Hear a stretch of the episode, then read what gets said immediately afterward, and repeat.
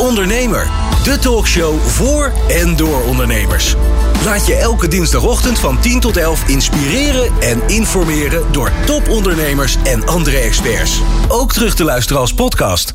Geachte heer Hoekstra, ik maak me grote zorgen over het uitblijven van een betalingsregeling omtrent het bijzonder uitstel van betaling van loon- en omzetbelasting vanwege de coronacrisis. Zo begint ondernemer Camille Oostwegel een bijzondere brief aan de minister van Financiën die hij plaatste op LinkedIn. De aanleiding was het bericht dat hij voor eind juli even alle uitgestelde belastingen moest overmaken. In één keer graag. Niet echt een bericht waar ondernemers op zitten te wachten terwijl ze net een beetje uit de crisis klauteren. Dag Camille.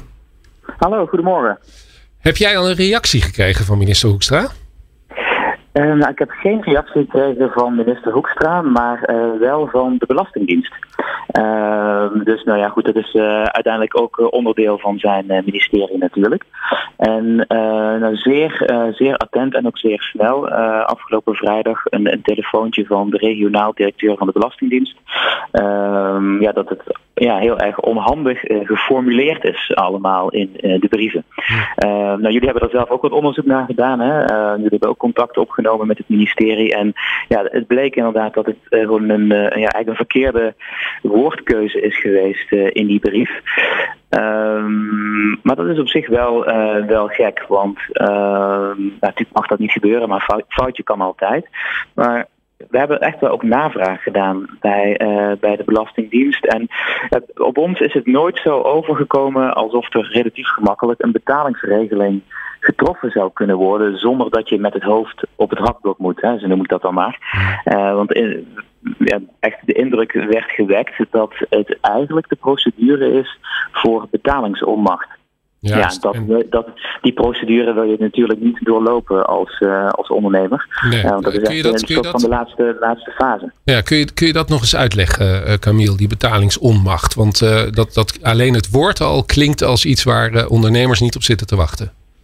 Nee, dat klopt. Ja, dat betekent eigenlijk dat je uh, moet uitleggen uh, dat je uh, de rekeningen wel nog kan gaan betalen. En dat moet dan middels een verklaring ook van een, een derde partij. Denk bijvoorbeeld aan, aan de accountant.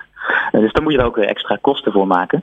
Uh, en dan, ja, dan wordt er wel heel erg goed op je gelet als ondernemer. En dat is op zich niet erg in een normale situatie. Maar ja, dit is toch een hele bijzondere situatie waarin we verkeren.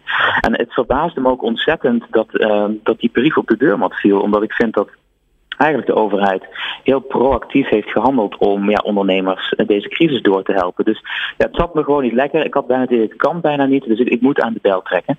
Uh, omdat ook andere ondernemers diezelfde brief hadden ontvangen. Uh, nou, ik heb ook een brief ontvangen, dagtekening uh, 10 juli, dat er inderdaad uh, wel uitstel van betaling ehm, aangevraagd kan worden en dan niet op de manier zoals betalingsonmacht.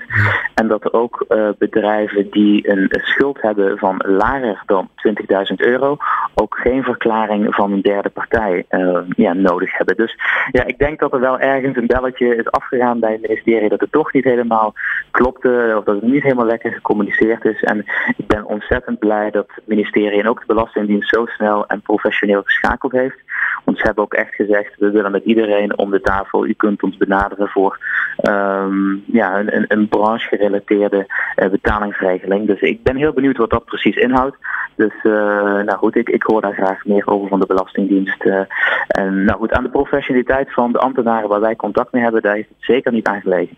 Goed zo. En jij bent geen uh, verkeerde klant voor de Belastingdienst, want uh, je hebt een groot bedrijf. Vertel daar eens wat over. Je hebt zoveel hotels, zoveel restaurants. Daar ben ik heel benieuwd naar.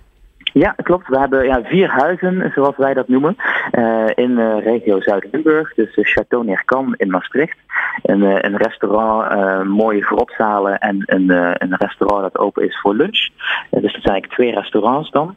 Dan hebben we Hotel Winselerhof in Landgraaf. Um, een prachtige herenboerderij. 49 hotelkamers en ook twee restaurants.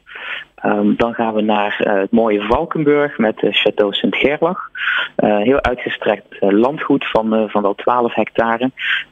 met 113 hotelkamers, vergaderzalen. Recent een prachtig vergaderpaviljoen geopend, ontworpen door Francine Hoebe. Ehm, eh, twee restaurants en dan eh, als laatste het Kruisheer, een hotel in het centrum van Maastricht. Eh, 60 kamers eh, in een, eh, een prachtige kerk en klooster eh, met, eh, met één restaurant en een wijnbar. Jij bent Eh, eigenaar en algemeen directeur. Hoe heb jij je in godsnaam gevoeld tijdens de coronacrisis, eh Camille? Ja, nou, ik, ik, ehm, ik weet niet of iedereen zich dat kan voorstellen, maar mensen die in het studentenleven eh, zich ondergedompeld hebben en eh, een A-tijd gelopen hebben voor een vereniging of een dispuut, die kunnen zich dat gevoel misschien voorstellen van een soort van roes waar je in leeft. En dat is niet vanwege de alcohol, maar dat is vanwege het feit dat je met zoveel dingen zo intens bezig bent. Het zijn pieken en dalen, eh, ja, wel, wel 15 uur per dag en het is non-stop. Nou, je moet je voorstellen dat wij eh, binnen een uur eh, onze bedrijven moesten sluiten na de persconferentie van eh, premier Rutte. En we hebben 380 medewerkers. Dus plotseling ja, moet je voor 380 medewerkers een, manier gaan vinden om ze ja, wel aan het werk te houden met, met nuttige taken en verantwoordelijkheden. Want ja, plotseling kunnen we eigenlijk al die mensen hun eigen werk niet meer doen. Moet je wel bekennen, dat is wel even twee weken heel intens geweest. Eh, om dat op de rit te krijgen. Maar goed, eh, toen dat op de rit was, hebben we ook echt nagedacht. Nou, het is toch een beetje ondernemers eigen, laten we maar zeggen. Om met ons directieteam te kijken, ja, hoe gaan we straks weer open als we open mogen? En wat kunnen we meer, beter of en hoe kunnen we ons bedrijf voorbereiden op de toekomst? Want Ja. uiteindelijk eh, ja, werk ik in een familiebedrijf. En ik hoop eigenlijk over 30 jaar eh, weer een prachtig bedrijf over te dragen aan misschien wel een familielid, maar sowieso aan een voor eh, medewerker en, en gast. En ja, we denken echt lange termijn. En daar hebben we ook in de crisis wel echt aan vastgehouden. En daar houden we nog steeds aan vast. Onze lange termijn ambitie en, en de continuïteit van het bedrijf staat eh, voorop. Dus eh, ja, goed, dan maak je wel bepaalde beslissingen die, die je anders misschien niet zou maken in, in een, eh, een crisis als deze. Doe jij dan ook aan bijvoorbeeld eh, eh, takeaway of eh, thuisbezorging of dat soort zaken wat je, wat je vaak zag gebeuren bij restaurants? Want voor jou is het natuurlijk een andere organisatie hè, die meer, veel meer Ja. in elkaar geklit zit. Ja, dat klopt. We hebben daar wel over nagedacht. Maar ehm, we hadden zoveel ander werk nog te doen. Eh, dat we dat er niet bij gedaan hebben. Maar wij beraden ons wel natuurlijk van als straks het najaar aanbreekt. waarin we geen enkele zakelijke reservering hebben op dit moment. Of amper. Ja, kunnen we niet iets gaan doen met, eh, met takeaway? Eh, kunnen we niet bijvoorbeeld mooie kerstmenu's gaan maken. die mensen door ons komen, komen, komen ophalen. Ehm, nou, daar denken we zeker over na hoe we op een creatieve manier, ehm, ja, laten we zeggen, de, het najaar door, doorkomen. Maar we proberen ook op de, in deze fase creatief te zijn. We hebben bijvoorbeeld bij Winselhof hebben we ieder jaar een heel groot streetfood festival, Italiaans georiënteerd, waar wel 5000 mensen op afkomen. Ja, dat konden we niet doen dit jaar. Ja. Maar we vonden dat zelf zo jammer, eh, want het zou jubileumeditie worden, vijf jaar. En ze hebben een virtueel streetfood festival gehouden. Dus afgelopen week hebben we op Instagram TV eh, drie keer per dag leuke filmpjes gepost. En nou, volgende week kunnen mensen eh, in kleine groepjes van tien egg workshops bijwonen die gerelateerd zijn aan het streetfood festival. Dus we proberen de consument wel eh, ja, te enthousiasmeren om ja, met ons in contact te blijven. En, en ja, als ze, als ze zich er goed bij voelen en prettig bij voelen, zijn ze natuurlijk van harte welkom in het mooie Zuid-Limburg. Ja, en veel Nederlanders, ongeveer de helft, gaat Ja. zijn vakantie dit jaar vieren in eigen land. Merken jullie daar wat Ja. van? Ja, wij merken dat ook. Eh, In een normaal jaar zijn 50% van onze gasten eh, Nederlands en 50% niet. Ja, wij merken nu dat bijna eh 95% van onze gasten Nederlands zijn. En ook mensen die ons nog eh, helemaal niet kenden. Dus eh dan komen echt nieuwe gasten uit de Randstad, uit het noorden, het oosten van het land. Eh, die ja, voor de eerste keer komen en denken, wat is het hier prachtig. Het is bijna all Nederlands. Dus eh, ja, dat, dat merken we nu zeker. Juni, juli en ook een beetje in augustus dat, dat de mensen in, eh in eigen land blijven. Maar we merken ook dat het heel erg last minute is. Laten we zeggen, in een regulier jaar boekt men ongeveer ja, 25 tot 30 dagen van tevoren. Dat zit nu allemaal binnen 7 dagen. Dus we merken ook dat de mensen wel ja, wat afwachtender zijn. En op een gegeven moment besluiten, ja, het weer is lekker, kom, we gaan, we gaan mooi naar Limburg. Maar eh, het is ook mooi in Limburg als het regent. En communiceren jullie ook over de veiligheidsmaatregelen die je treft? Ja. Dat, eh, dat hoor je vaak, dat dat goed werkt. Ja. Ja, zeker. We hebben dat eigenlijk eh, gedaan al voordat we open gingen. Hebben we onze, ons hele gastenbestand eh, geïnformeerd over alle maatregelen die betreffen. Eh, die updaten we ook steeds naar gelang eh, de wet en regelgeving aangepast wordt.